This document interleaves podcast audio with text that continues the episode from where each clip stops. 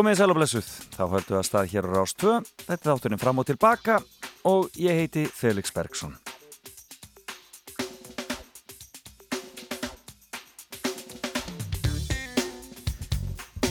En á nýt ásamlegu dagur í höfuborginni, gaman að vakna hér á lögutasmotni og vita að ég sé að fara að koma til fundar við ykkur. E, e, það er haust í lofti en samt ykkur neginn, bara allt svo indælt, ekkert, ekkert orðin eitt, mikið vetur hjá okkur. E, fyrsti vetardagur framöndan, þannig að þetta ættu nú að fara að skella á hvað og hverju, en við sjáum til. Búið að gríðala margt í fréttum í vikunni og það mun kannski finna sér stað í fréttakjöturinni sem verði hér á eftir, alltaf klukkan hálf tíu. Og um, svo fæ ég góða viðmælendur, ég ætla að hengja til Spánar. Heyri einn Sigriði Dögg Auðunstóttur en hún eh, er búin að koma sér fyrir með fjölskyldinni í eh, San Juan Playa sem er útkverfi Alicante. Og er alltaf þau að vera eitthvað áfram fjölskyldan og heyra þess að í einu hljóðu hvernig ástandi sé á Spáni og hvernig þeim líði þarna. Síðan er það fimmann og það er engin annur en Katrín Júliustóttir fyrirhandi, ráþeira og nú réttöfundur sem kemur hér til okkar e, þetta er líka framkvæmda stjóri e, hjá samtökum Advinnulífsin samtökum fjármálafyrirtækja þannig að verða alveg rétti á hvernig er þetta? Maður ma ma ma rugglast í öll þessum framkvæmda stjórum En svona er þetta en hún, var, en hún er komin en hún verður hérna hjá mér í spjalli eftir smá stund. Og um, já, svo ætlum við bara að spila skemmtilega tónlist og byrjum við þetta á um, lagi dagsins. Og ég hef verið með svona þemað hvar eru þau nú? Og um, margir muna eftir Íl uh, Eurovision hefur verið til umræði núna í vikunni en Íl Volo þeir kefti Eurovision 2015 eh, fyrir Ítalíu.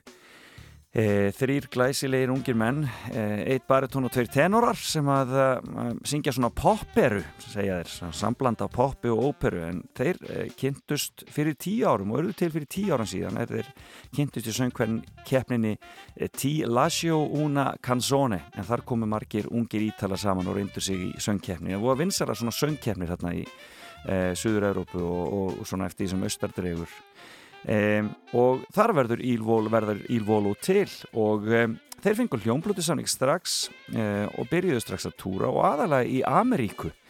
Uh, og fyrir ekki hljómleikaferði á Ítalíu fyrir árið 2014 semst nokkur ári inn í samstarfið. En þeir unnu verðlun og seldu í bílförmum.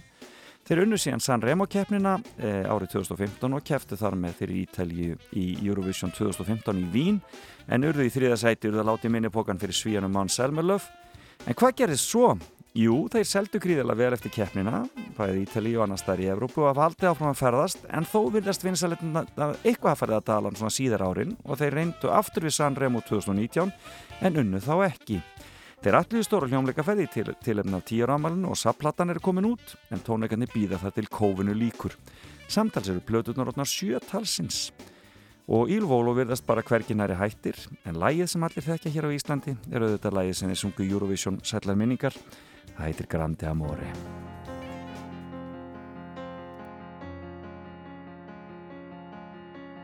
Chiudo gli occhi e penso a lei. Il profumo dolce della pelle sua è una voce dentro che mi sta portando dove nasce il sole Sole sono le parole, ma se vanno scritte tutto può cambiare. Senza più timore te lo voglio urlare. Questo grande amore, amore, solo amore.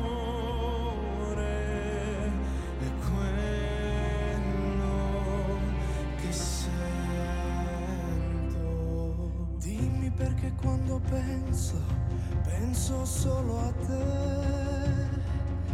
Dimmi perché quando vedo, vedo solo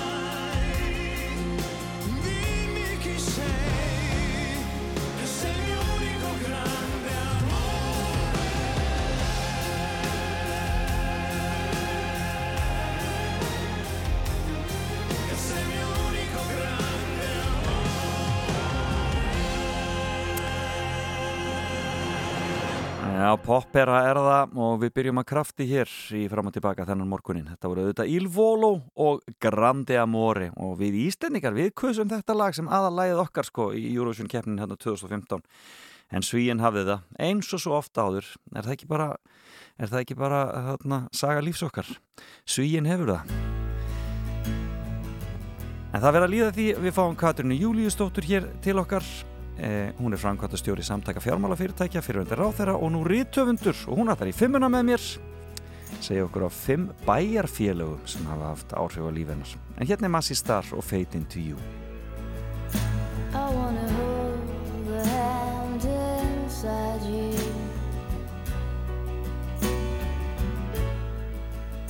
I wanna take the breath that's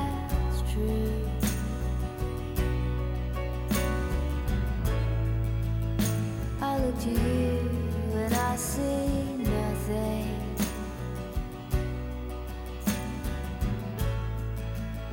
I look to you to see the truth.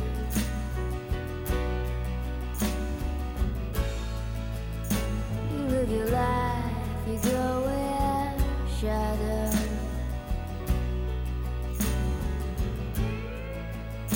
You'll come apart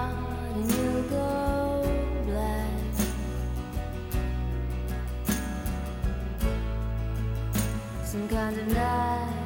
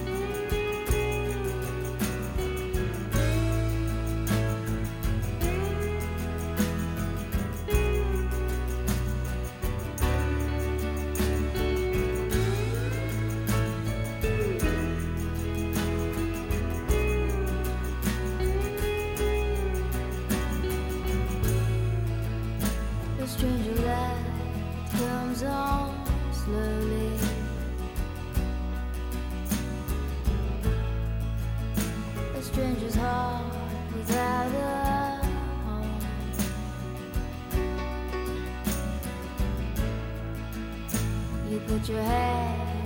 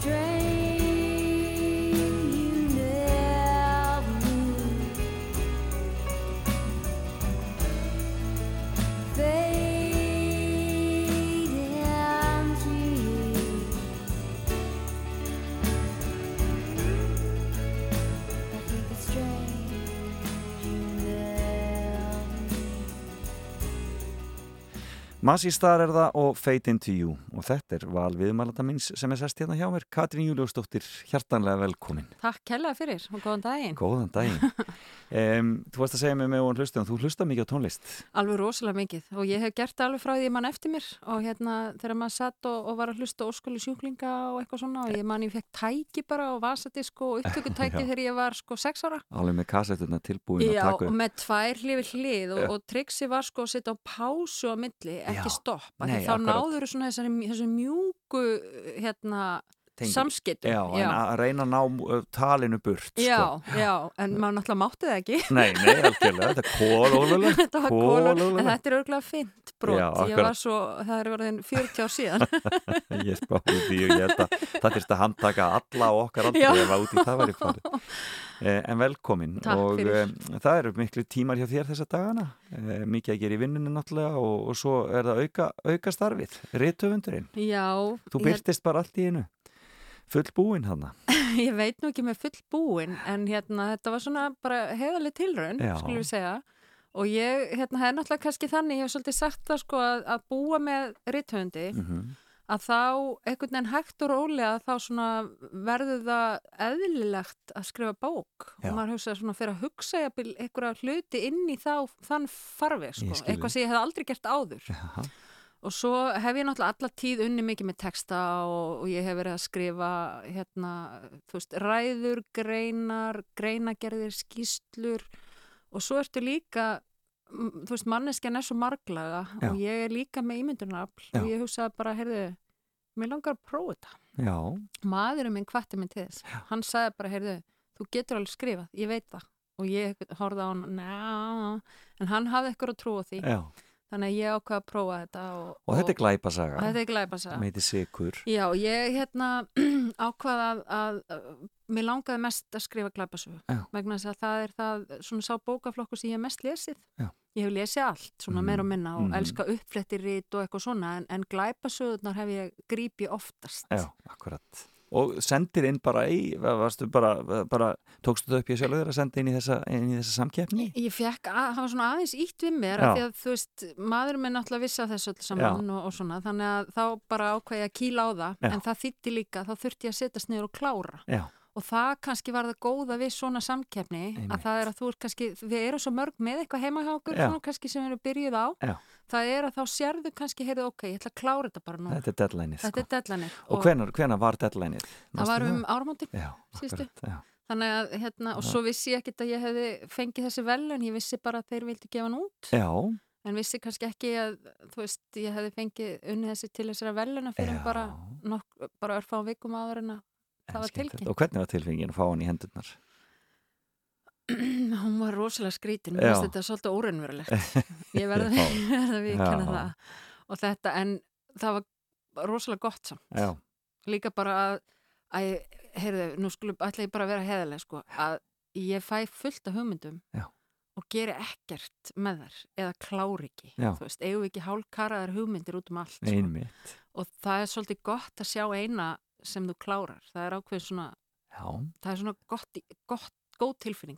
eitthvað að því að sko kannski að því ég hef oft valið með vinnu sem er ekki með uppháð og endi. Mm þú veist, maður er svona í stöðu Já, í einhverju ferli. já, Já, og hérna og þá eh, hefur mér alltaf þótt rosalega gott að vera með eitthvað til hliðar það sem, sem hefur uppháð og endi það er svona sálfræðilegt. Já, ég skil, já, Já. með bara klára eitthvað, Klára klára tilfinningin að eitthvað, eitthvað klárist. En um, talandu það, þá setti ég fyrir þið verkefni sem Já. ég vona að þú náður að klára hér á þessum tíma sem við höfum. En það, þú, það er fimmann og þú vildir fara í fimm uh, bæjarfélug já, eða sveitafélug. já, ég hugsaði þetta ekkit mjög lengi eftir Nei. að þú heyrðir í mér og hérna kannski er það bara vegna þess að ég hérna, ég náttúrulega hef komið held í öll bæjarfélag í Íslandi Já, og ég elska mjög mörg þeirra. Og þannig að það var líka erfitt að velja. Já, akkurat. en hérna við langaði kannski að taka svona persónlegri tengingar. En byrjum, byrjum á því fyrsta bara, sjáum hvernig þetta spila sig. Já, ég ætla að byrja á því að nefna Húsavík. Já, og Húsavík er bæjarfélag sem er einhvern veginn svolítið svona og saga Húsavíkur er svolítið svona finnst með þrættin í DNA-ið mitt. Já, hvers það er, vegna? það er vegna þess að hérna, pappi er fættur þar á uppalinn Mm og hans fóreldrar eru fætt þar á uppalinn. Já. Þar og í nágrinni og ég á, og á, ég á í dag ennþá mjög mikið af ættingum sem búa þar ennþá. Já, Þannig að ég er mjög tengd þessum bæ. Og frá því að hérna, og þegar ég er 16 mánuða, Mhm, þá fæðast uh, tvíburar, bræði minnir. mhm. Þannig að við vorum hérna þrjú, mjög ung. Þannig að ég er, fer mjög lítil norður og er hjá ömmu afa í nokkra vikur. Og ég held að þegar þú ert svona ungur og tengir svona bæðafélagi og fær svona mikla ást, Já. að þá eh, verður það bara hlut af þér. Já. Og ég fór svo mikið þarna, pappi talar mikið um Húsavík og ég hef eitthvað, þetta er eitthvað neginn og saga fjölskyldum minnar á Húsavík er þetta alltaf merkileg. Já, Og þú veist, þau eru svona dæmigert fólk sem að sko amma og afi eru fætt 1905 og 6. Það er svolítið langt kynnslóabil í fjölskyldunni hjá mér. einmitt, ég heyri það. Og, hérna, og þau, uh, þú veist, það var ekki mikið, menn hafði ekki mikið á milli handana. Mhm. Og það, þetta er svona baráttu saga. Mhm. Það er fólki sem að, þú veist, í sjáaplássi sem að þurfti að hafa verulega fyrir hlutunum en barðist til á- ágætra álna og Já. hérna og En það var aldrei komið til, aldrei komið til greina hjá pappaðinum að vera áfram á Húsavík eða... Ég held, ég hef náttúrulega spurt hann sérstaklega um það en, en hann var, það var eitthvað svona leitandi í honum held ég. Já, og hann var líka svo mikill námsmaður Já. og fór til Akureyrar í mentaskólan og, og hérna, og hann, en hann er náttúrulega fættur á aldrei merkjulegum tíma 1939 Já. á Húsavík. Og það var ekkit, menn voru kannski ekkit svona, já þannig að það var kannski ekkit sjálfsagt. Og svo fór hann hérna til Þýskalands til náms líka Eftir stríðið þá? auðvitað? Já, hann náttúrulega fættu 39 Já, 30 það er mitt, já, þannig já, að hann, hann gerir það Já. og það er einhvern veginn svona þannig að það hefur verið eitthvað leitandi í honum og Já. ég held að ég hafi það líka Já, akkurat. það Já. er svona við erum kannski ekki alveg endilega kjör sko, Nei, akkurat. þó það sé líka íhald sem ég á Já, en það er líka sko svolítið fyndið að hérna og svo, eh, þú veist, verður saga fjölskyldu þinnar svo mikið þín saga já, já, nei mitt. og þetta, þegar þekkjum þetta öll Já. hvernig við tengjum við þetta En það er svo, líka svo aðtilsveit hvað það gerist í rauninni, þarf ekki að það gerist ekkert strax að eitthvað á okkur tímapunkti Já. þá allt einu gerist Já. að þú fer að tengja við einhverja, erst ekki, erst ekki? Jú, ég er algjörlega sammála og maður tengir við eitthvað. Og svo er það kannski líka það að pappi var kannski svolítið duglegur en mamma að segja mig frá fjölskyldinni Já, og sögunni. Já. Þannig ég vissi alla tíð miklu meira og pappi er svona frændrækin og ættrækin þannig að sko það er ekkit komið, það er bara farið norður og svo er bara vísiterað. já, Þú veist, Þetta er bara- frændiðinn. Hann bara byrja Þetta er hér og, já, já, og svo er bara farið á milli og Já. ég hef svolítið tekið þetta upp líka. en skemmtilegt. Að ég... Og ferðu ennþá uh, Já, norður? já, já, já, já, algjörlega og ég reyna að fara eins oft og ég get sko Já. og svo er svolítið gaman að því til viðbútar við þetta að, Mm. hérna að þá, og svo náttúrulega bara er, verður þetta þannig að þegar ég keir inn í Húsavík þá stoppa ég alltaf aðeins upp á hæðinni og Já. horfi yfir bæinn Já. og, og dregin andan og, og finnst ég svona hálfpartin komin heim. Já, og, en svo er það líka svolítið skemmtilegt að, að svo ofan að þetta að þá hérna uh, þegar ég kynnist manninu mínum mhm, þá kemst ég að því þegar við erum búin að saman í nokkra vikur og hann er bara svona mikill þingegingu líka. Já. og ég man ég satt í bíl með pappa og, og bróður hans og hérna var á leiðinni norðu með þeim þar sem við vorum að fara í ammali, nýraðisammali hjá frænkuminni og ég svona var nú ekkert búin að koma út úr skápnum með þetta samband. Nei, en nei. var orðin allt í einu pínlítið stressu við getum verið skild Já, akkurat.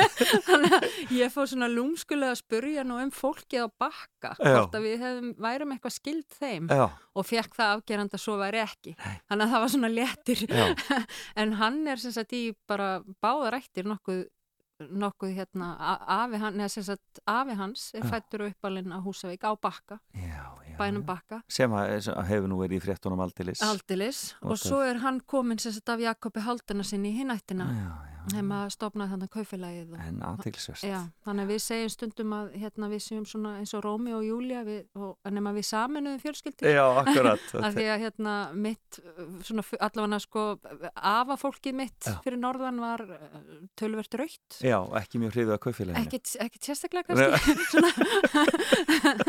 en það var aðeins öðruvísi ömmu megin, það er svolítið framsögnum en þar En skemmtilegt, þetta er almennilegt. Já, Húsavík var það og uh, gaman að heyra, ég meina, uh, hvernig fannst þið þá Eurovision myndinu, varst ekki hrifin? mér finnst svona æðisleg Húsavík. mér finnst svona æðisleg og ég sko það er náttúrulega bara náttúrulega að Húsavík væra þarna en líka bara við þekktum öll þessa karaktera Já, þú veist, Já. já, já, ding dong gæinn, sko, Já. þú veist, við höfum öll verið hann, algjörlega. Ég segi bara speak for yourself maður á góður íslensku. Heyrðu, hvað er næsta bæðifélag? Næsta sveitafélag. Næsta bæjarfélag, við tekið þetta svona í röð. Já, Næsta bæjarfélag verði að nefna Kópó. já, að, Ég er, ég bara hugsa hvena kemur kópa já, ég er Katu Kópói já, og hérna ég flytt þangað þegar ég er nýra já, og það gerist þegar ég flytt þangað, ég bjó í Reykjavík áður og mér fannst æðislega gaman að búa í Reykjavík. Mhm, en ég get svolítið aðlagast hvar sem er. Já, en það var eitthvað aðeins öðruvísi þegar ég flytt í Kópóin mhm, og ég segi stundum að hjartað að mann hafi orðið í læginu eins og Kópóður já, En það er líka, ég átti náttúrulega átti lengri sögu á, í Kópói áður og þannig var að, eins og ég nefndi áðan, að það gerist ímislegt þegar þú ert lítil og, og það koma tvíburar, þá þurfti svona aðeins kannski að létta á henni mömmu stundum, skiljanlega, og Já. ég fór að skilja það mjög vel þegar ég egnaðist tvíbura sjálf. Já. Og þá fór ég stundum svona þvældist með pappa í vinnuna og Já, pappi já. var að reka fristihús í Kópói ok, og við krakkarnir okkur fannst agalegt sport að, að því að þá var það þannig að þá fór hann í gamalli, gamalli rútu keirðum allan kópóin, það voru bara kópóspor eða sem unniðar pikkað og pikkaði allar upp Já. og við sátum á vélakassanum sko inn í rútunni og vorum með. Ekki mikið að hafa ágjör af bílbeltum og svo leys á þeim tíma, Nei, blessaði verðt en það er maður oft bara hissa á því að maður hafi komist heitur á esku sinni. Þegar maður heyrir, þú veist, allar, allt svo leys í dag, en nei, nei, en, en það var samt passað upp á okkur, við sátum alltaf á bak við svona, ég man að það var svona stöng fyrir sem við heldum um. Já, og við vorum svona svolítið varin af því sko. Og hérna en þetta var ákveðin svona þannig að þá verður Kópó líka svolítið hlut af mínu DNA Já, þú veist mjög akkurat. snemma, Má, við vorum hann að mala við honum að hristast, þetta var nýr á Dalvegi núna hristumst þanga nýrittir og bara eitthvað við þetta þennan tíma veldur því að ég elska að finna fiskili já, og mér finnst netagerðalikt það besta sem ég veit, það er bara svona þessi svona mm, þú ert eins og börn sem alast upp í sveit og elska hesta Já, eða, já. eða kúa mikjuna Já, lyktina, já, þannig að sko þetta, kannski þessi tenging við Húsavík og, og sjáaplás og, og síðan þetta fristjúr í Kópói veldur Já. því að sko ég bara byrja alltaf þegar ég kem inn í bæjarfjölu og kera nú höfn. En þegar þú kemur í Kópói þá er nú búið að byggjast, það er ekki lengur þessi frumkvöðla stemning eins og var þarna, Jú, svona, pínlítið sko, vegna þess að ég flyt, eða, nei, kannski ekki beint, en, veist, en þetta voru náttúrulega bara landnemar hreinlega sem Já, byggja þennan bæ. já, já, og þetta er mjög merkilegu bær. Já. Þegar ég flyt ánga þá er bara austur og vesturbær Já. Og það var engi smári og það Nei. var ekki enga lindir og kórar eða neitt Nei, sko. nei, nei, bara og, og fristjúsi, hans pappa var svona appisinu gullt kumbalt sem stóð þarna bara eitt sko, nýri í hérna miðjum dal Já. eða fristjúsa pappa afi hérna, afi átti þetta Já.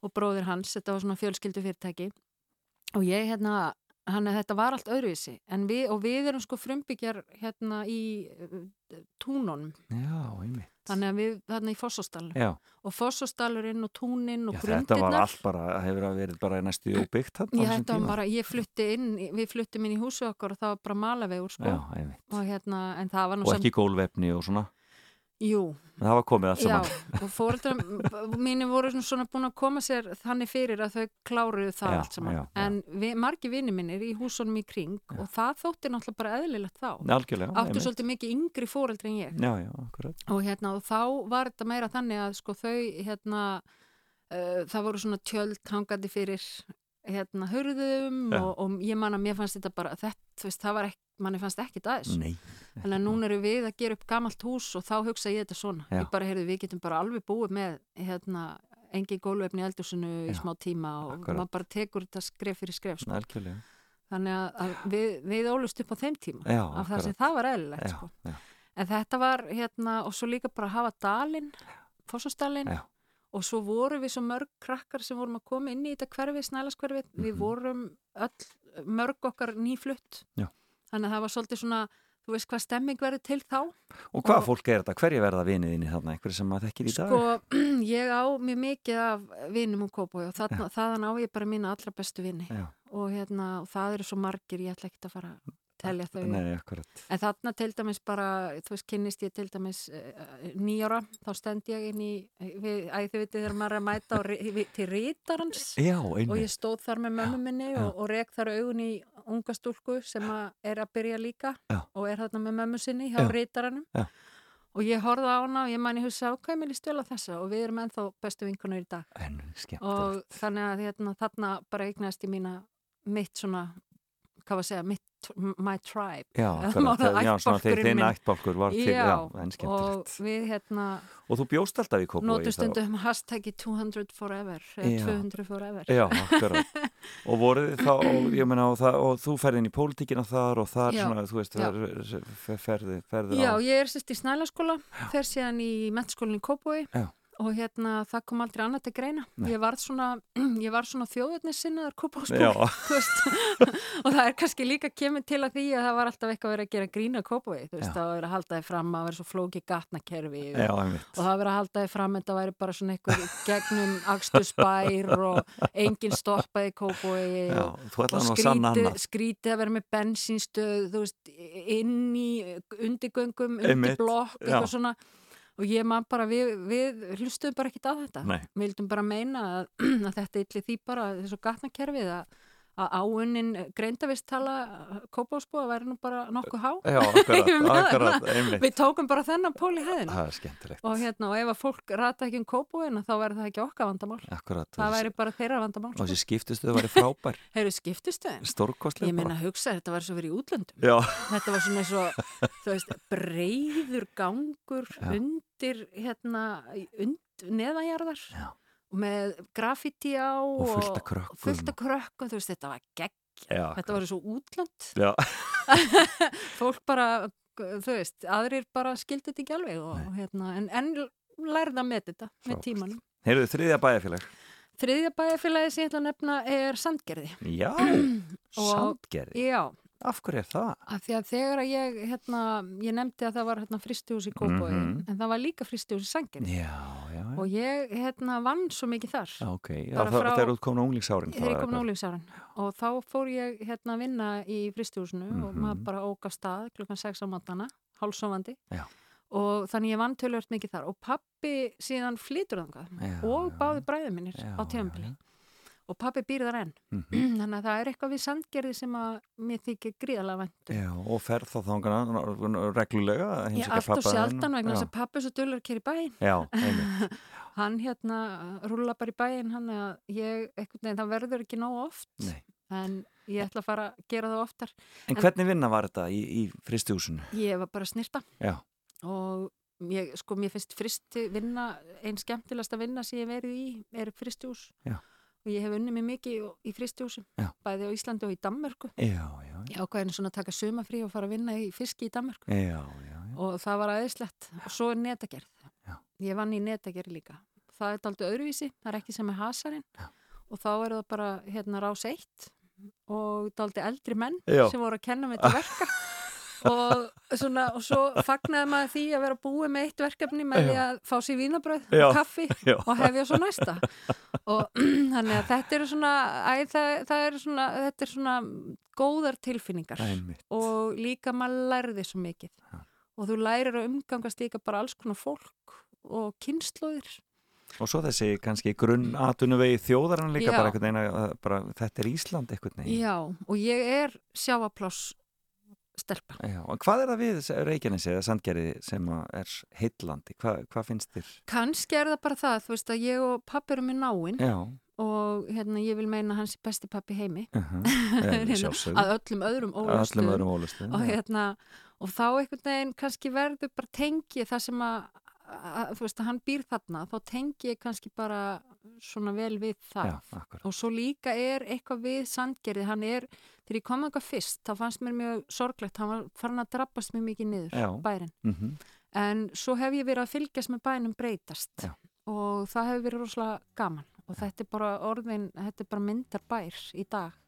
Og búið að taka húsin meir í gegn og svona. Og ég mann þegar bróðum minn bjóð þarna rétt eftir, eftir hrun, bakkarhrun þá mann ég að þetta var mjög sorglegt að það var mjög mikið að tómi húsnæði þarna og, og svona og maður sá þetta bara drabbast niður en, en þetta er allt búið að breytast í dag og, og þetta er bara gríðalega fallegu staðir og fallet bæjastæði, falleg höfn.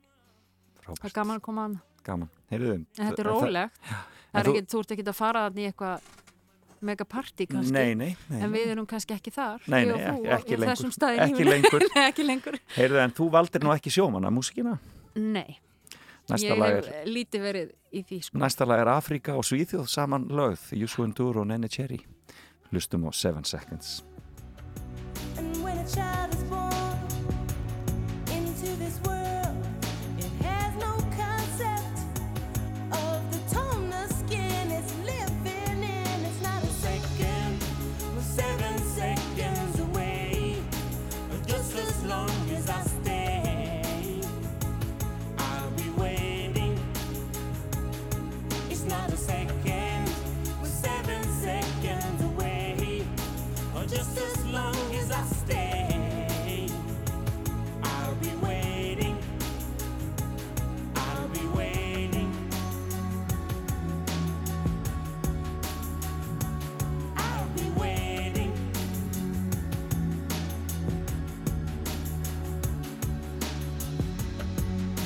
Les raisons qui nous poussent de changer tout. J'aimerais qu'on oublie le couleur pour qu'ils espèrent. Beaucoup de sentiments, de race qu'il faut qu'ils désespèrent. Je veux les gamins ouverts, des amis pour parler de leur peine, de leur joie pour qu'ils le vivent.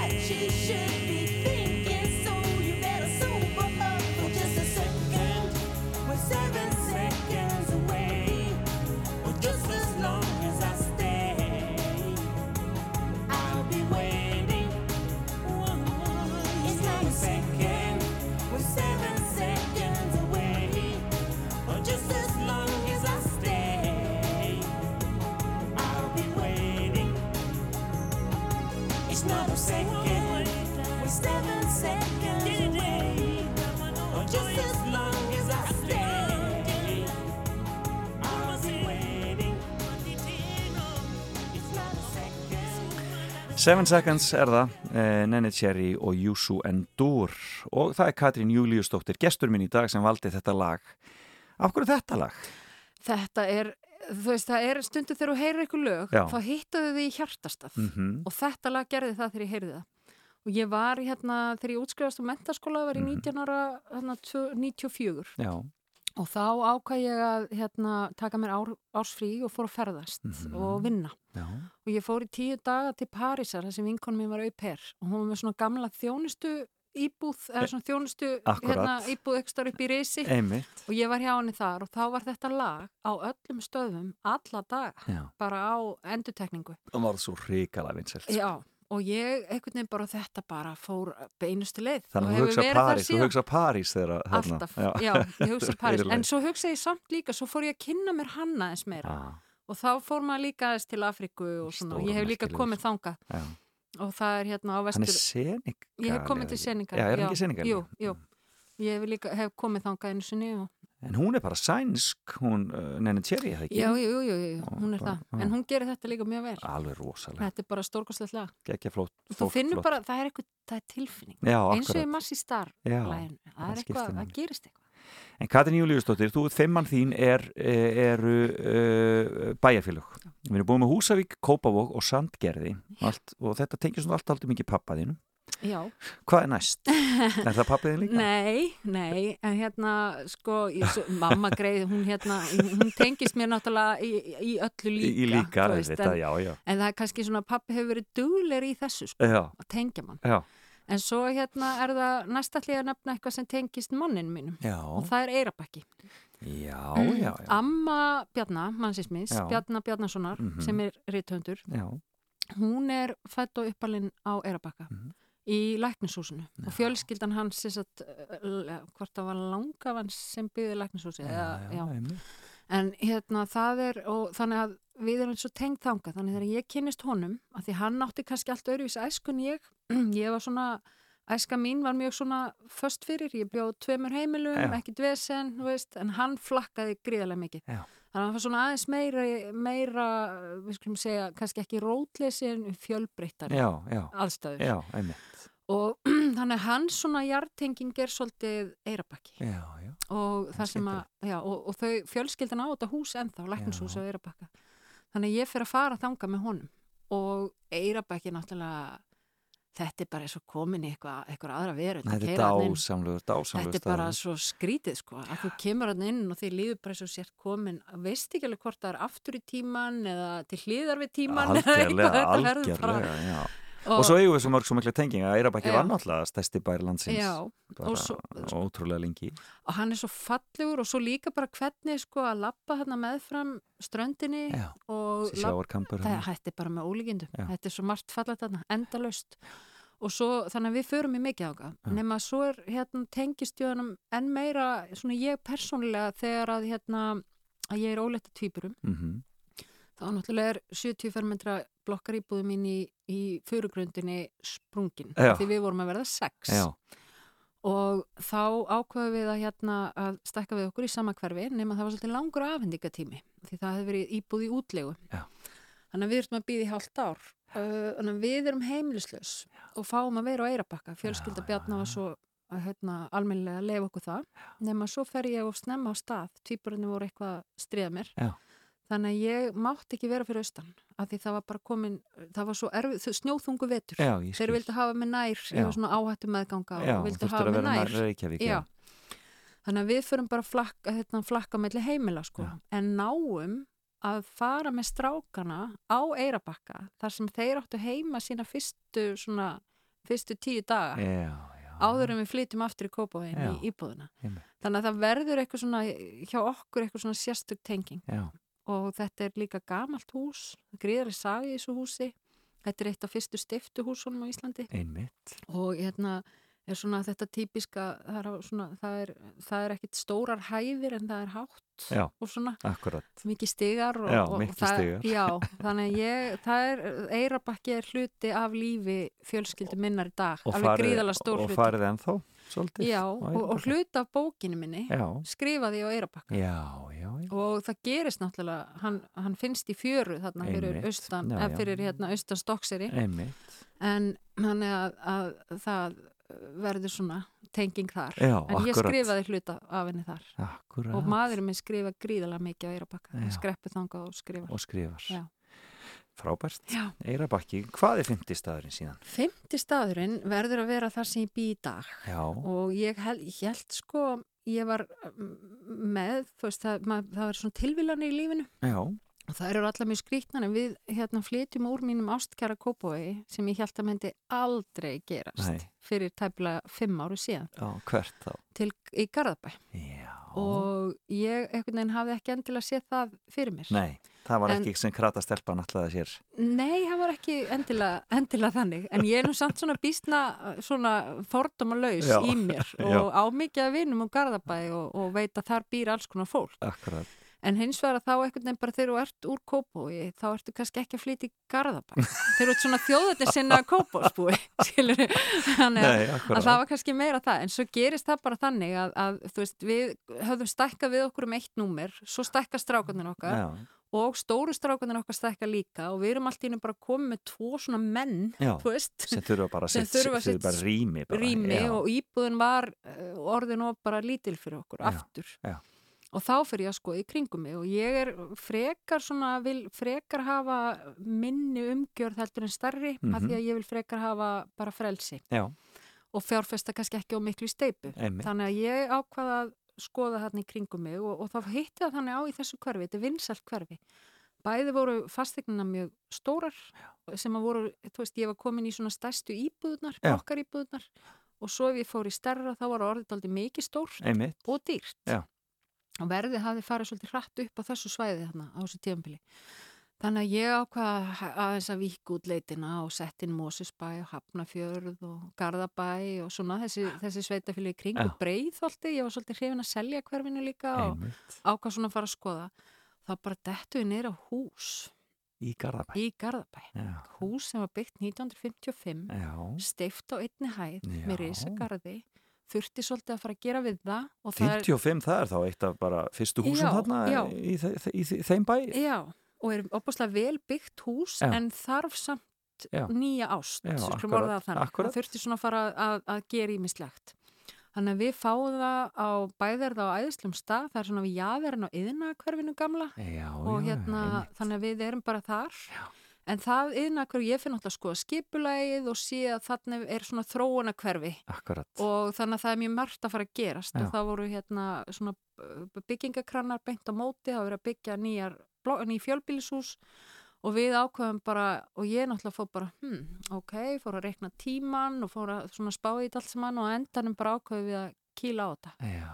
og garðurinn er kannski, var svolítið líkilega Já. neða þetta er þúsund tverrmyndra garður eins og gömlu lóðurna voru Já.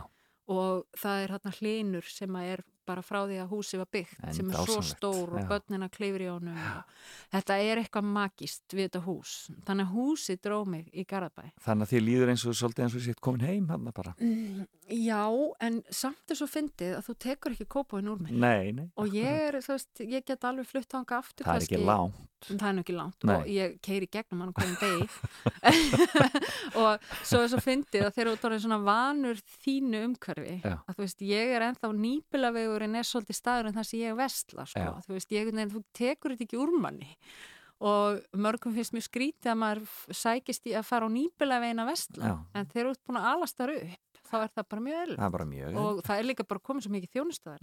Svo stoppar En bara á Garðabær- heim mjög, mjög auðvelt. náttúrulega Já, mjög öðvelt, þetta Já. er bara í leðinni Já. en svo er Garðabærin það, það hérna, þetta er, svo maður náttúrulega þessum framandi bæ. Sem að hérna Kópásmærin hafði allskyns hugmyndur um sem Já. voru bara alls ekki réttar. Nei, og þegar maður kemur þarna þá áttar maður sig á því að veist, þetta er alveg ótrúlega hlýlegur og góðu bær og, og svona meiri kannski að mörguleiti svolítið eins og Kópóur var þegar ég fluttið Já. svona, það er, það er svona bæjabragur ennþá Já. svona tenging Já, fólks. og mér fannst alveg opbáslega vel tekið á mót okkur og Strákandi konur í stjórnuna? strákarnir, annar, já þeir eru í stjórninni Já. annar í sundi og hinn í fótbolta Já. og hérna og skólinn sem er í er í flataskóla við erum alveg opasla ána með hann Já. vel uh, hugsaðan krakkana og, og svona og, og mér finnst þetta bara frábært að vera aðna og við höfum bara eignast áslega góða vini í fóruldum drengjana líka Já. Og þetta er bara dásanlegt að vera aðna þannig að þá ver, ég verða að nefna Garðabæ því Garðabær verður þá kannski svolítið bær yngri strákana minna Já, Þú veist, elsti strákunum minn er náttúrulega bara eins og ég. Það er bara Já. sko, og það er með tattoo til að sanna það. Sko. Já, hérna, bara þannig. Og spila með HK. Bara. Bara, já. cowboy, algjör. Og hann er hérna að spila handbólta með HK og, og svona og er í, hérna, og báðir elstu er að klára MK. Já. Þannig að þú veist, við erum ennþá með annan fótinn. En Garðabær er, og hann tók líka rosalega vel á móti manninu mínum sem Já. er rithöndur. Já. Og það er svona, þú veist, hann einhvern veginn, það er rosa mikið gert í menningarlífinu hann. Hann hefur verið heiðuslistamaður og Já. það er svona verið, það er tekið vel á móti, móti fólki og, og það er líka hægt þegar, þetta er svona minna, en það er Já. að stækka líka. Svona Þannig að við erum allsæla. Þannig að maður Frábært. kannski segja að þetta verður bær yngri barnana minna, svona það sem verður kannski þeirra DNA Já. Og það er bara fallett. Frábært. Mm. Þá erum við konið gegnum þetta. Húsavík, Kópóur, Sandgerði, Eirabakki og Garðabær. Mm. Þetta eru frábær bæjarfélugu allt saman. Um, og nú ferða að fylgja eftir bókinni. Færðu frí til þess eða Nei, ég Nei. tek það bara svona með. svona með? Já. Já, já, en hérna ég er, hérna, það er ekkit, ég er ekkit eitthvað yfirhlaðin Nei. í tengslu við það, kannski ekki sérstaklega út af COVID, Já, þá lítið Já, verið að byggja fólk um að koma og lesa minna, og minna svoleiðis. En, og ég mistaði að hald, fá að halda eh, mér finnst það ömulegt. Gaman að mest halda þess. Já, Ég skil það mjög hitt alla vini mín og kunningi, fá að hafa tilefni til að hóa allir saman. En til hamingju með bókina. Ég búin að lesa, hún er frábær. Og, þarna, og ertu byrjað á næstu? Ég meina, er, er pappin á lífi, skilur? Það er bara stóra spurningin Ég segi bara ekkert um það. þú segir bara ekki nei Nei, nei, Þetta er þú mátt heldur ekki segja of mikið. Nei, nei, þetta er rosalegt sko. Þetta er rosalegt, það er bara stóra spurningin Þegar ég já. bara fer með hendi hér út í kosmóðu Já, sko ég er komið hugmynd að næstu bók. Já. svo núna þurfum við að sjá hvort mér takist að skrifa hana skilur ég veit það ekki ennþá. Ég Þannig ég þarf að, við, við, þarf að kvæljast með þessa hugmynd í kollinu með þessa spurningu í kollinum núna já, en ég er mjög ána með að þú skulle kvæljast með það af því að þá hefur bókin á sínu tilgangi. En þetta er samt svolítið fyndið þegar þú gefur út bók að það eru líka mjög margir sem byrja svona að lesa í eitthvað. Já. þú veist, eitt saði til dæmis hérna já, nú svolítið áhugavert hvernig hérna, þú ert með svona, hvernig fjárvera og nærvera pappa hefur dramatísk áhrif í þessari bók og það, þá getur fólk kannski meta þannig eins og ég eigi eitthvað svona mjög dramatísk sambandi föðu minn, en það er það ekki. Nei. það er bara mjög einlegt og hlýtt. En kannski bara veistu Og- líka bara hvað það er mikilvægt. Eh, alveg gríðarlega. Það sé ekki það bara frekar. algjörlega. Og síðan er sko hérna og svo er, er fólk að reyna að sjá eitthvað því að hann er embætsmaður þú veist, er þetta eitthvað sem þú þekkir? Já, og svona, en þú veist hérna, en það er auðvitað bara ekki tannig það er gaman hvernig þú lýsir samt stjórnaráðin og svona, það er smá Og Já, þarna já. en er- samt, samt ekki sko, Nei, vegna þess að þetta bara fólk í vinnunni. þetta er bara fólk í vinnunni Já. og ég ætla að segja nefnilega það að sko reikvildu bakherbyggin eru miklu færri heldur en fólk heldur. Og þau eru meira svona hugarórar sko. Já, og, hérna, og í stjórnsýslunni vinnur upp til hópa mjög vandað fólk. Nákvæmlega. En þess vegna kannski er líka hérna, var gaman að hrista þess upp í því. Skemmtilegt. Hérna, en mér þetta, fannst þetta skemmtilegt og maður býr sér til bara einhverja, veröld en svo finnur henni einhvern stað mm þú veist, í veruleikanum einhverjum, personum Ég held að þessa persónu sé komin til að vera. Sigur heiti bókin og um, uh, ég mæli með henni. En Katrín Júliusdóttir Rítöfundur, framkvæmdastjóri samtaka fjármálafyrirtæki og fyrirverðandi ráð þeirra Kærar þakkir fyrir Takk komuna kærlega til- fyrir, takk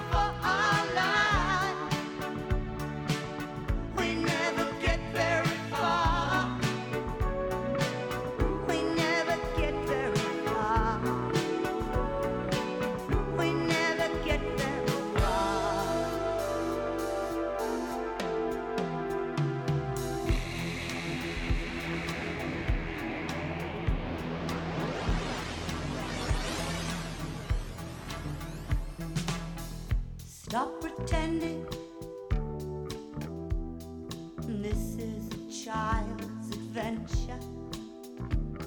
The only way I can take it is playing the game. Be quiet, there's a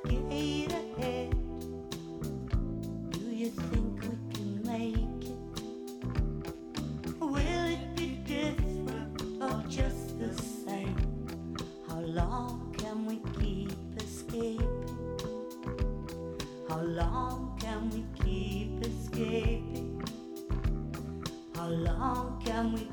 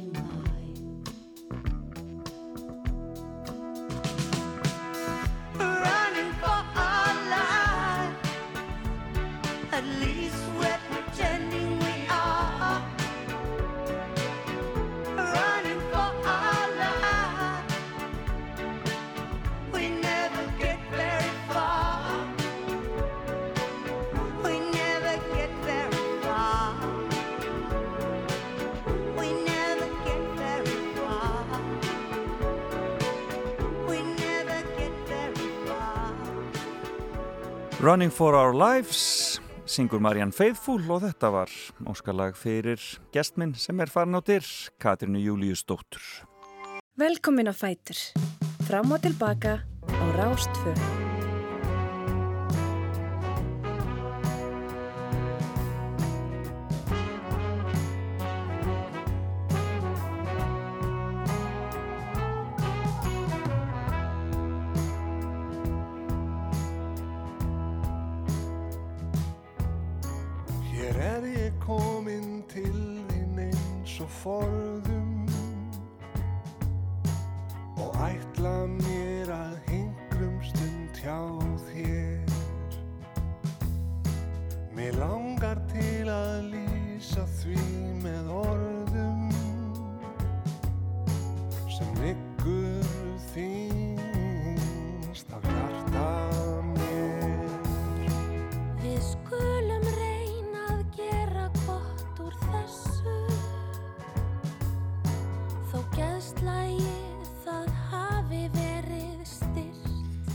Já, þarna syngja Sigriður Tólasíus og Siggi Guðmunds eh, uh, freystingar eh, en því miður þurfum við að draga neyri í þessu því að það er að koma að auðlýsingum og fréttum. Og svo höldum við áfram hér í fram og tilbaka. Rástfjö Fyrst og fremst.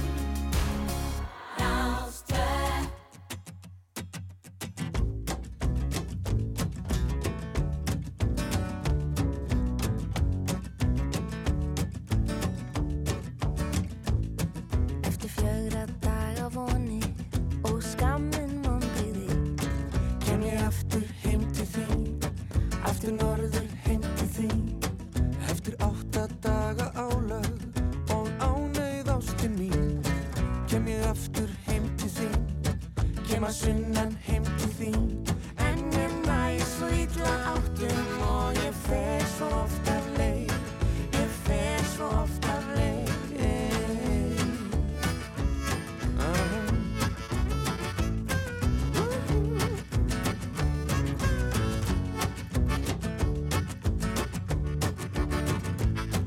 Eftir sextán daga sorgir og sánlega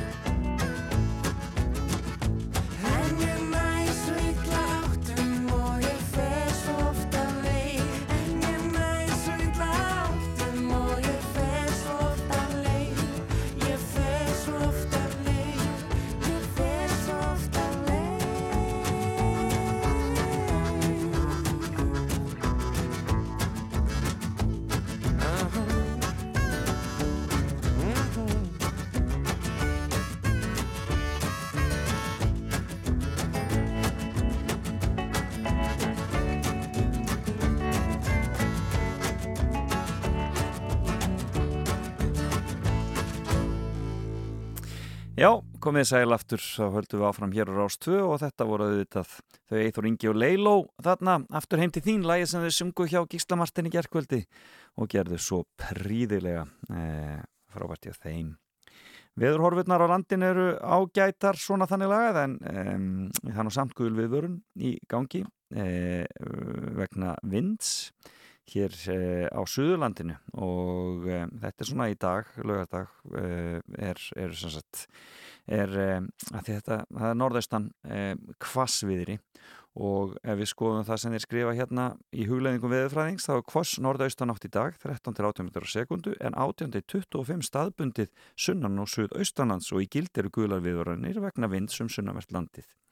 Í dag, laugardag, regning austan til en þurft að kalla á söður og vesturlandi. Og síðan eitthvað hægari vindur á morgun 10-15 metrar á sekundu en 5-10 söðaustan og austanlands og áfram regning eða jæfnvel slitta um norðanvert landið en bjart með köplum sunnan heiða. Og eh, já, já, það er bara en þá minnst ekki að stegi svona á lálendinu rauðar tölur hjá okkur. Um, við erum ekkert farin að sjá mikið af bláu tölunum en þá minnst ekki að stegi en það getur nú svo sem breyst já og ekki að sjá að það gerist alveg strax mjög stík kannski eitthvað þegar líður á vikuna. E, neini, það er ekkert að það gerist þegar líður á vikuna ég veit ekki hvaða tuðu drýmir það er bara við verðum í, í uh, rauðum tölum en það er svona, það er svona já, það er svona gengur á mig ímsu í veðrinu. Það kemur í ljós hvernig það allt saman verður. Fyrir bara varlega hvar sem við erum og svo eigum við náttúrulega fyrst og næst að halda okkur heima við. Það er langt best vinna á blessaðri veirunni og halda fjarlæg frá fólki ekki hitta of marga og uh, já, og passa upp á sótarðinnar stóra málið. A few questions that I need to know. How you could ever hurt me so. I need to know what I've done wrong And how long it's been going on. Was it that I never paid enough attention Or did I not give enough affection Not only will your answers keep me sane, but I'll know never to make the same mistake again. You can tell me to my face, or even on the phone. You can write it in a letter. Either way, I have to know. Did I never treat you right? Did I always start the fight? Either way, I'm going out of my mind. All the answers to my questions I have to find.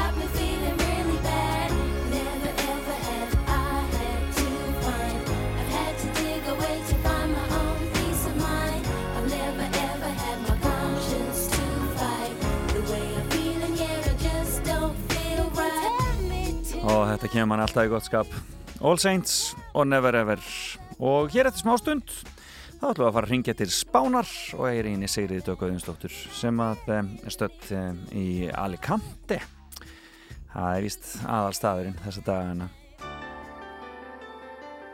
Beint úr efstaleitinu í Reykjavík. Fram og tilbaka á Rástfö.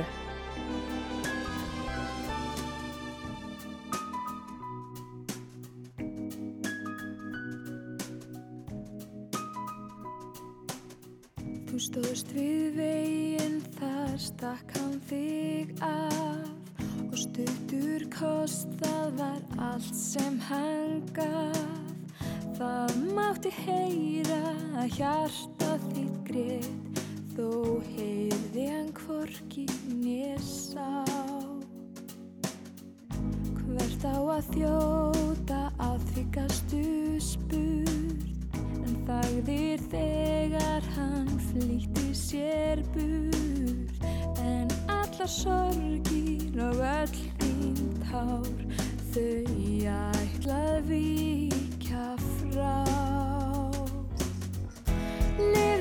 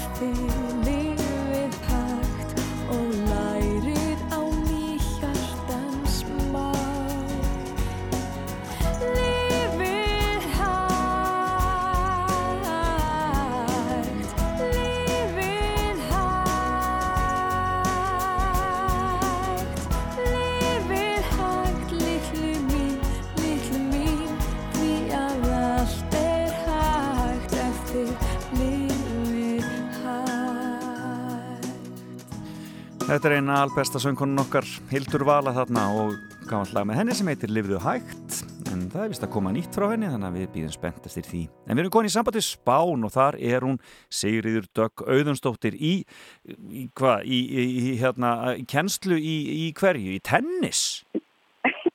Já, við erum öll fjölskyldan hérna í tenniskenslu einu til tvisari viku.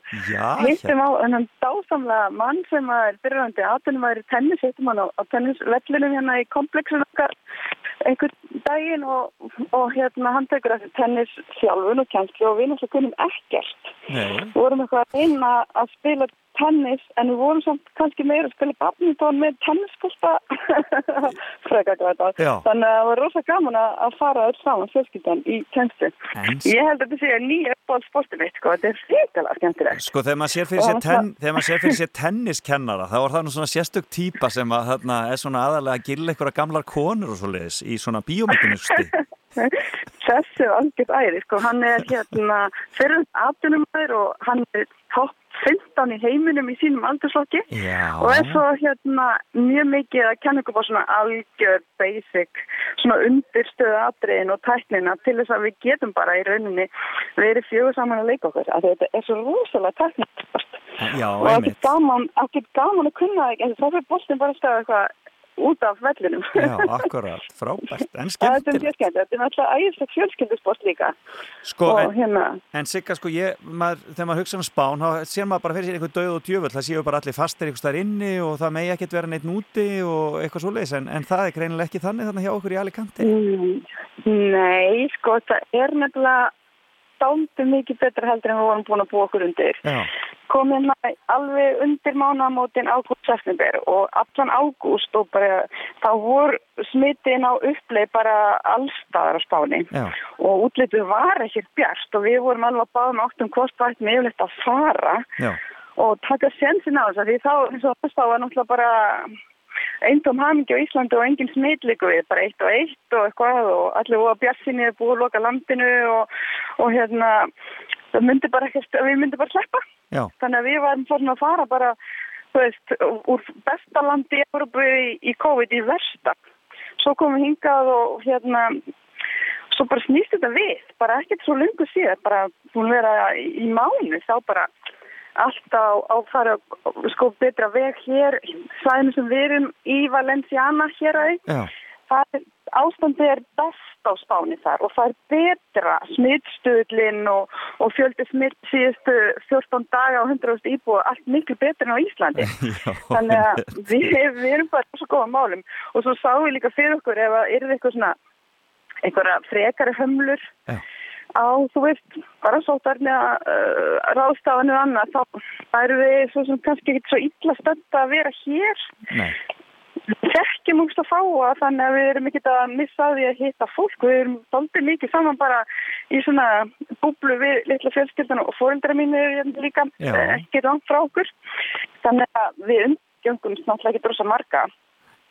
En, en svo er þetta bara svo er þetta bara einhvern veginn orðið svona daglegt líf sem fólk er bara, að venja. Já, hér eru allir með grímur þegar þú ferð út, Einmitt. þetta með grímur. Og þú gleymir því, þetta er pínu eins og bara spennu þegar beltinum Já. hún finnst maður að það er bara, þú veist, afsperrið og stíg með grímur Já. þetta er bara venst já, og rosa strangar og mikla sótvarnir allstaðara í almenningsrýmum eða fyrir í búði eða veitingastað og alltaf vera sótt reynsa allt og þess brúsur á, þú veist, eh, við alla inganga já, og það eru sóttrinsaðar, þú veist, kerri í matarbúðunum áður nú tekur við þeim flestum stöðum. já, já, Þannig að man, man finnst maður vera svona nokkuð örugur en auðvitað verður maður náttúrulega líka bara að passa sig sjálfur. Já, Við erum stöðuð með sprittað á lofti, sprittandi allt, hérna maður get ekki, get ekki fara og þannig Og að við erum ekki það, að fara neitt rosa mikið þetta að prinsip- já, þetta prinsip með að vera bara sína eigin sóttvarnir er bara stóra málið í þessu öllu saman. já, já. Við verðum að passa okkur af því að við erum ekki hvað næstu maður er búin að vera að gera. Nei, algjörlega. En, En eru, en það eru opið. opið, ekki en, mikið út að borða, já, Nei. en það eru allir veitingastæðar opni, sko, og, og, en, það er eitthvað takmarkana nýsjátt eftir héruðum hversu miklar þær eru, sundar ekki vera fleiri en sex við borð, hérna held ég séu tíu, Já. En við náttúrulega erum bara fjögur, fjögur til sex, þannig að ef við förum út að borða, það eru bara utan dýra, þú veist, það er náttúrulega ennþá bara geggja veður, hérna, núna held ég þessi 25 stöð hitti og sól og næstu í lok. Ó, og ég stend hérna við tennisullin og horfi út á miður að hafi. já, Það er ek ekkert umulegt. nei, þetta er ekkit glatað. Þetta hljómar ekki Nei. glatað. Nei, þetta er gott, að, það er gott að heyra menn bara einhvern veginn reyna þá að halda í eins mikið, eh, mikið eðlilegt og venjulegt líf eins og mögulegt er. Já, og það er þetta magnaði svona hvað þetta er orðið eðlilegt að sjá alla út á götu með grímur. Já, já, það venst Það fljótt. er fín, já. Og hvað er planið að vera, sko, en, en sko, þú segir að fóruðræðinni síðu þarna, er mikið að Íslendingum hérna á sveðinu? Sko ekki það sem við erum, við erum bara svona einhvers konar garðabæ í Alicante, í borginni sjálfri. Og hér þekkjum ein, eina fjölskyldu, íslenska fjölskyldu hérna sem að flytta út í sama tíma við og hérna aðri eru, þú veist, flestur íslendingar eru svona klukkutíma burtu nálagt uh, torfi eitthvað Já. Klukkutíma svona í söður frá Alicante. En við vildum vera hérna bara inn í borginni bara því að það er öðru samfélag, þetta er meiri spannvarjar og, og krakkarnir er fann í skóla. Já. þau eru 12 og 14 ára þannig að þau eru komin í skóla og það eru rosa strángar sótvarnarreglur og þau eru með grímur, grein, allan daginn. Já, en það er bara þannig, það Já, er bara hlutaði að, að hérna, fara í gegnum þetta tímabil í, í, í svona heimsögunni að, að þú veist bara fara eftir reglum já, akkurat. Þetta er, en þau eru bara, þau eru reyndar í alþjóðlegum skóla um, það sem að svona, kannski þriðjungur af námskræðanum kentur að ennsku þú veist, 30% nefndum er útlendingar en 70% er spámverjar já. þannig að þau eru svona smám saman að aðlegast Og, og, og, og, spáns, spænskan að koma, eru þau að læra spænskuna?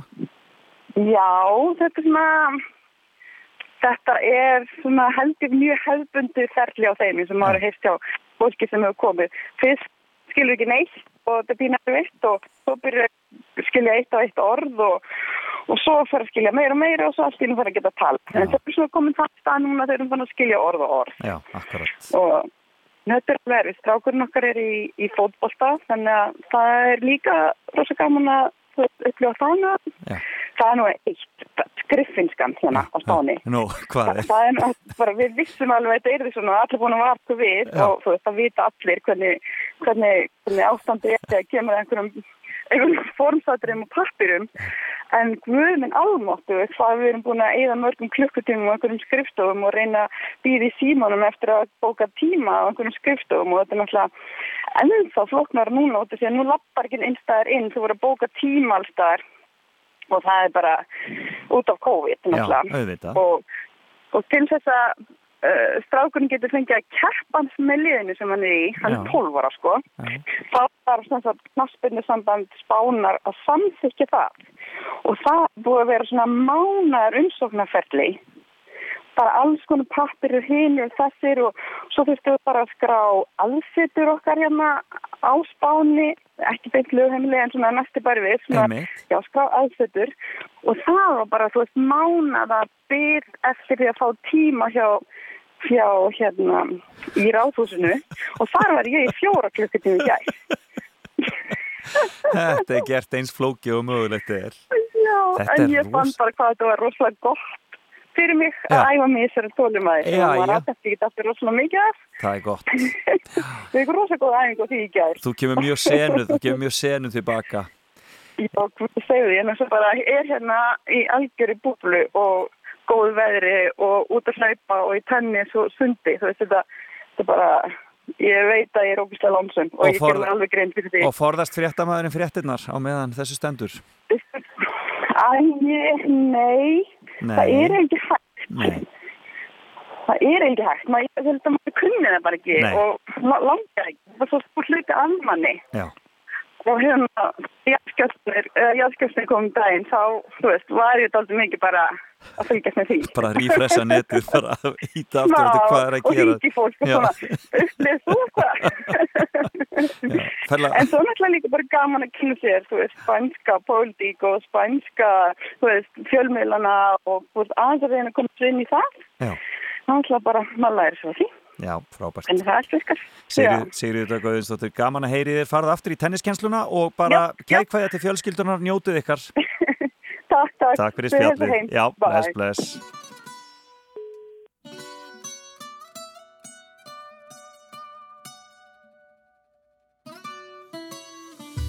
Come and move that in my direction. So thankful for that, it's such a blessing, yeah. Turn every situation into heaven, yeah. Oh, you are my sunrise on the darkest day. Got me feeling some kind of way. Make me wanna savor every moment slowly, slowly. You fit me, tailor made love how you put it on. The only key, know how to turn it on. The way you nibble on my ear, the only words I wanna hear. Baby, take it slow so we can last long. Tú, tú eres el imán y yo soy el metal. Me voy acercando y voy armando el plan. Solo con pensarlo se acelera el pulso. Oh yeah, ya, ya me está gustando más de lo normal. Todos mis sentidos van pidiendo más. Esto hay que tomarlo sin ningún apuro. Despacito, despacito. Quiero respirar tu cuello despacito. Deja que te diga cosas al oído. Para que te acuerdes si no estás conmigo. Despacito. Quiero desnudarte a besos despacito. Firmo las paredes de tu laberinto. Y hacer de tu cuerpo todo un manuscrito.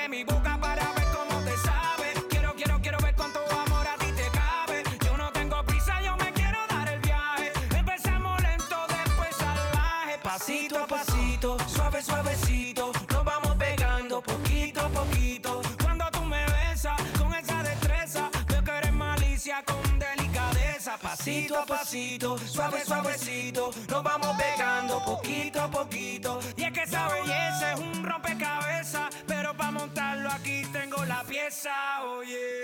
Despacito, quiero respirar tu cuello despacito. Deja que te diga cosas al oído. Para que te acuerdes si no estás conmigo. Despacito, quiero desnudarte a besos despacito. Firmo en las paredes de tu laberinto. Y de tu cuerpo todo un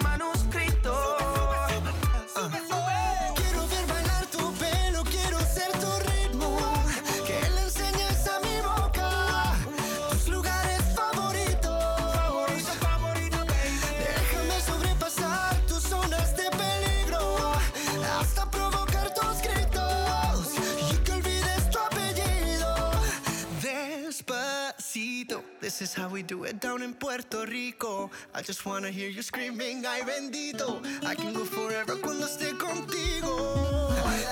Pasito a pasito, suave, suavecito. Nos vamos pegando poquito a Que le enseñes a mi boca tus lugares favoritos. Pasito a pasito, suave, suavecito, nos vamos pegando poquito a Hasta poquito. provocar Despacito. Despacito, þetta var dásanlegt Louis Fonsi hérna þetta og þeir Justin Bieber og einhver Yankee Gaur eitthvað með honum hérna. Mikið fjör, mikið fjör, svolítið sumar í þessu og uh, átti ágætlega við eftir að heyri inn í Siggu Dögg, Sigriði Dögg Auðinsdóttur á Spáni en um, það fyrir að líða að frétta getraun. Já, já, já, já, já, já, já, nú verður það að vera tilbúin því að, um, já, hún fer hér í loftið eftir smástund og þá getið þið ringt 5687 123 5687 123. Þú ert að hlusta á Fram og Tilbaka með Felix Bergsinni á Rástfö.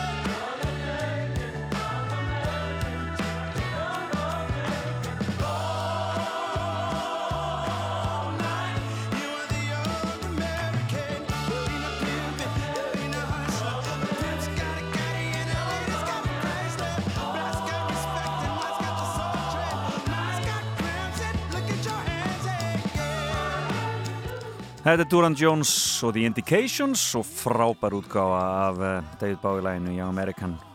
Um, frábærlega velgert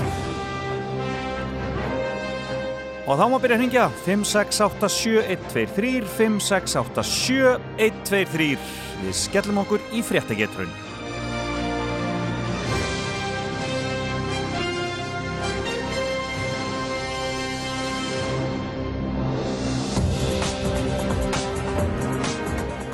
Já, menn er eitthvað rólegi þennan morgunin, ekki allar línur farnar að loga en ég býð bara rólegur. Þanga til þið, um, þanga til þið standið ykkur í þessu og farið að ringja almenlega en um, það er búið að mikið að vera fréttum í vikunni. Auðvitað mikið COVID, reynum að sleppa því svona sem mest. Og þó það kemur kannski aðeins við sögum. En nú er, nú er komið nóg af, nóg af blikkum hér á símaborði hjá mér þannig að nú skulum við bara kýla á þetta og veljum línu númer 6. Góðan daginn! Góðan daginn. Góðan dag, hvaðan er þú að ringja? Ég, ég er að hringja á Egilstöðum, eða réttar þetta úr Egilstað, flugturtinu á Egilstöðum. Já, hvernig er veðri hjá ykkur þessa stundina? Uh, já, Já, ég sé áttum klukkan. þú sér út um klukkan? Já, já. Það er vel, það er vel að verki staðið. Og alveg yfir í Fellabæ. Nú það er svo leiðis bara. Nú er, Já, er, er, er, hvað, er ofan koma hjá okkur eða? Nei, það er bara, það rignur og svolítið mistur. Já, Eh, nei, fyr, fyrir ekki, það er alltaf, það er alltaf sól og hér aðeins. já, það ekki? Jú. Það er ágætt, gott að heyra. Heyrðu það, þú já. með fréttunum. Já, ég reyni. Heyrðu, þá skulum við bara byrja hérna alveg á fullum krafti. Í Ok. vikunni var nefnilega skip í eigu hraðfristi húsins Gunnvarar mikið í fréttum. Hvaða Já. skip var þetta? Hvað heiti skipið? Uh, Býtu nú við, Mm, hvað heitir skipið? já, mikið í fréttunum. Eða hverjum fréttatíma held ég bara hreinlega. Já, einmitt. Þetta var mannsnafn. Það var var hérna, Skjóttu, skjóttu, skjóttu, mm, skjóttu. ég man það ekki, ég man það ekki. Æ, nei. ekki. Nei, kemur ekki. Það var, var eitthvað, hérna, Jú, Július, nei, ég maður ekki. Ok, heyrðu, kæra þakki fyrir að ringja. Það er skíjað á fleiri stöðum heldur en hérna greinlega. Það kemur fljótlega. Þú reynir bara aftur, reynir aftur kæra þakkir að Ok, ringja. Já, hún var nú komin á sl- slóðinu þetta. Góðan daginn. Já, góðan dag. Veist þú hvað skipið heitir? sem að- Július Geirmundsson. Það er Július Germundsson. Hún var komin með Július en hún var ekki með þetta. Nei, Ég vildi hún- fá það allt saman. Endur hún austur á landi. það Segðu já, ég hafa langt í, langt í þetta. Heyrðu, hvað er þú statur? Á Ísafyrði. Þú ert á Ísafyrði, þannig að þú þekkir Július Germundsson vel kannski. Já, já. Það er svona. Heyrðu, þá spyr ég þig. Í Já. vikunni var hundur þráins Bertelssonar mikið í fréttum. En hvað heitir hundurinn? Æ, æ. Og það er svona, hann er, hann er hluti af bókatitlinum. Já, ég Svolítið var nefnilega, það var maður að segja mér af þessu núna nýlega þessari bók og bókartitli. Já, hvað heitir hundurinn? Stór skemmtilegt viðtal við þráin í, í, í, í, í kiljunni í vikunni. Alveg stólið úr mér. Ég held að, ég held að byrja á tje. Já, það byrjar á tíu. En gerist eitthvað meir? Kemur eitthvað meira? Trítill. það er mjög góð ágiskun. En ekki rétt. Takk fyrir að ringja. Beða heilsa vestur. Nei, ekki var það trítill. En við skulum reyna næsta. Góðan daginn. Góðan dag. Halló. Já, góðan daginn. Góðan daginn. Veist þú hvað hann heitir hundurinn hans þráins? Vindum að sjá fyrir gjöði að slökku eða þetta er allt í, í, í rugglinu. Já, þú ert aldrei langt í burtu frá mér. Ég heyri ítla í þér. Ertu í símanum? Ertu þarna? Já, ég er hérna. Já, já, hvað heitir hann hundurinn hans þráins? Hundurinn hans þráins, býtu hver er það? Getur sagt það aftur? Í vikunum var hundur þráins Bertelssonar mikið í fréttum. Veistu hvað hundurinn heitir? Já. Hann er bara að gefa út bóka sem hann er alltaf að rappa við hundin. Það heitir hundur. Já, hvað heitir hundurinn? Þessi er rosaleg, sko. Þetta er rosalega. Hefur- Þessi frétt fór fram með ætla að skjóta bara og snata. Já, er mjög gott, en það er ekki rétt. Æ, ok, Takk fyrir að ringja. Já, Takk, bæ. bless, bless. Snatti var það ekki. Góðan dag. Nei, hæ, Hæ, hæ, hæ. Veist þú hvað, hvað hundurinn heitir? hundurinn heitir Theobald. Theobald er hárétt. Já, já. Er þetta sama konan aftur? Ah, Nei, heyrðu, hún datt bara út þarna. Já, já, hún þurfti að fara að svara símanum. Þá skulum við heyri næsta. Góðan daginn. Góðan dag. Góðan dag. Bless, heyrir í mér. Stað? Er þetta kallið að kona? Góðan dag?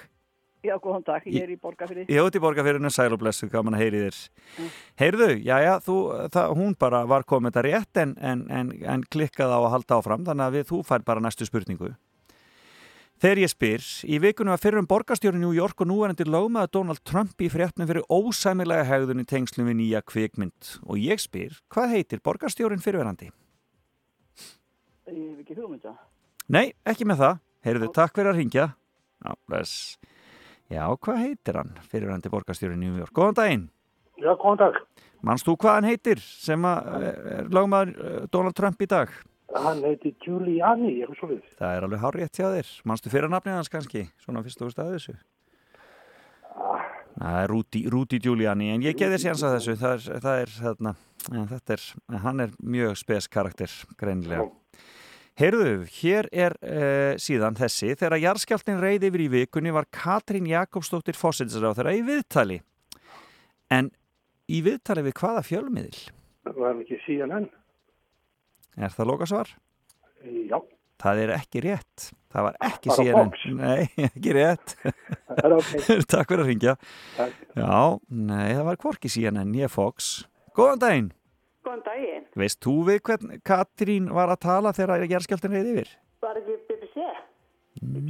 Nei, ekki BBC. Nei, nei. En takk fyrir að... það breyta svarinu. Já, nei, nei, alls ekki, ég lofa því. En takk fyrir að ringja. Já, ekki var það BBC. Hver er með þetta? Góðan daginn.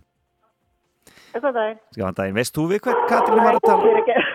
Já, já, þar fór hundurinn að stað Nú maður. er það brjálaður. Er þetta Teopald? Heyrðu, heyrðu, var þetta ekki Daily Mail? Nei, ekki Daily Mail. Ok. En þú ert orðin heitari, takk fyrir. Já. Ok, bye.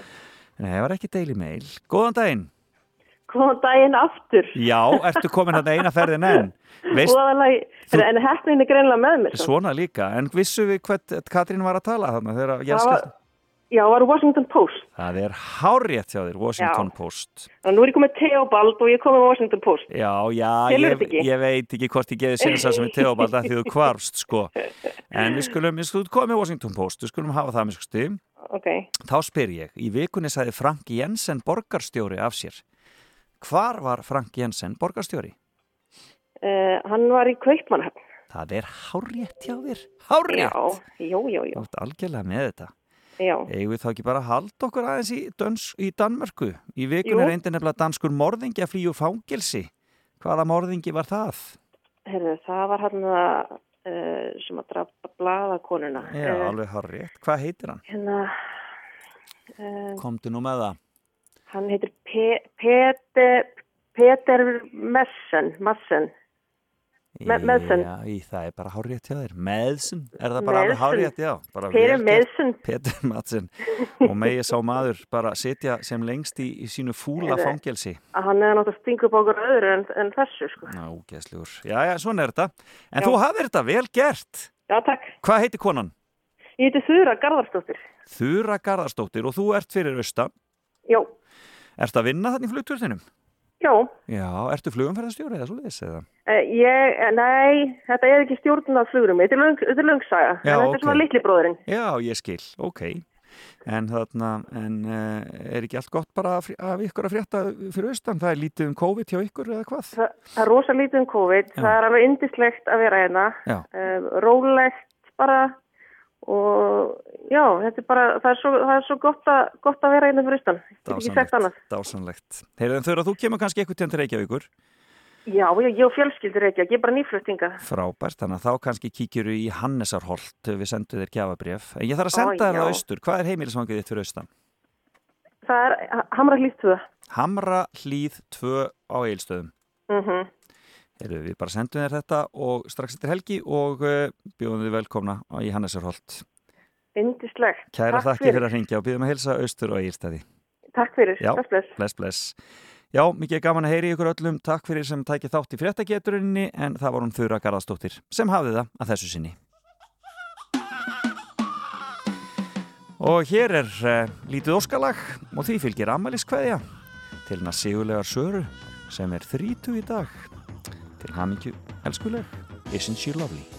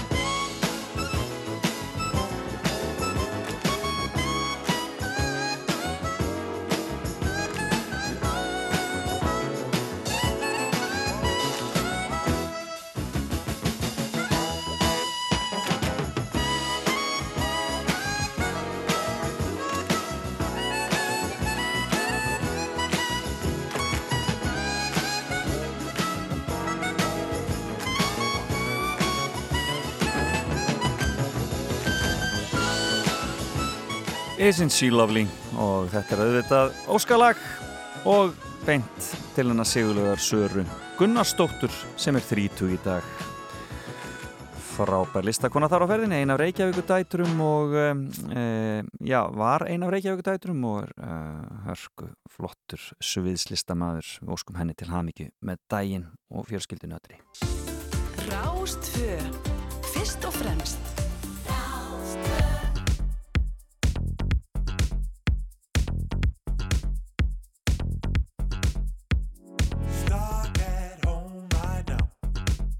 blessing your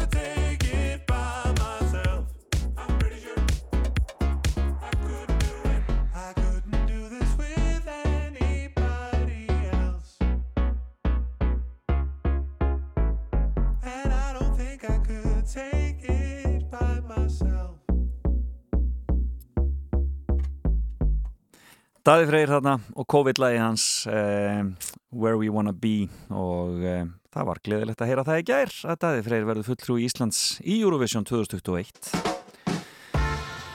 og svo keppni verður vist alveg pottetaldin í Rotterdam í mæ hvernig sem þeir faraði en uh, hér er James Vincent McMorrow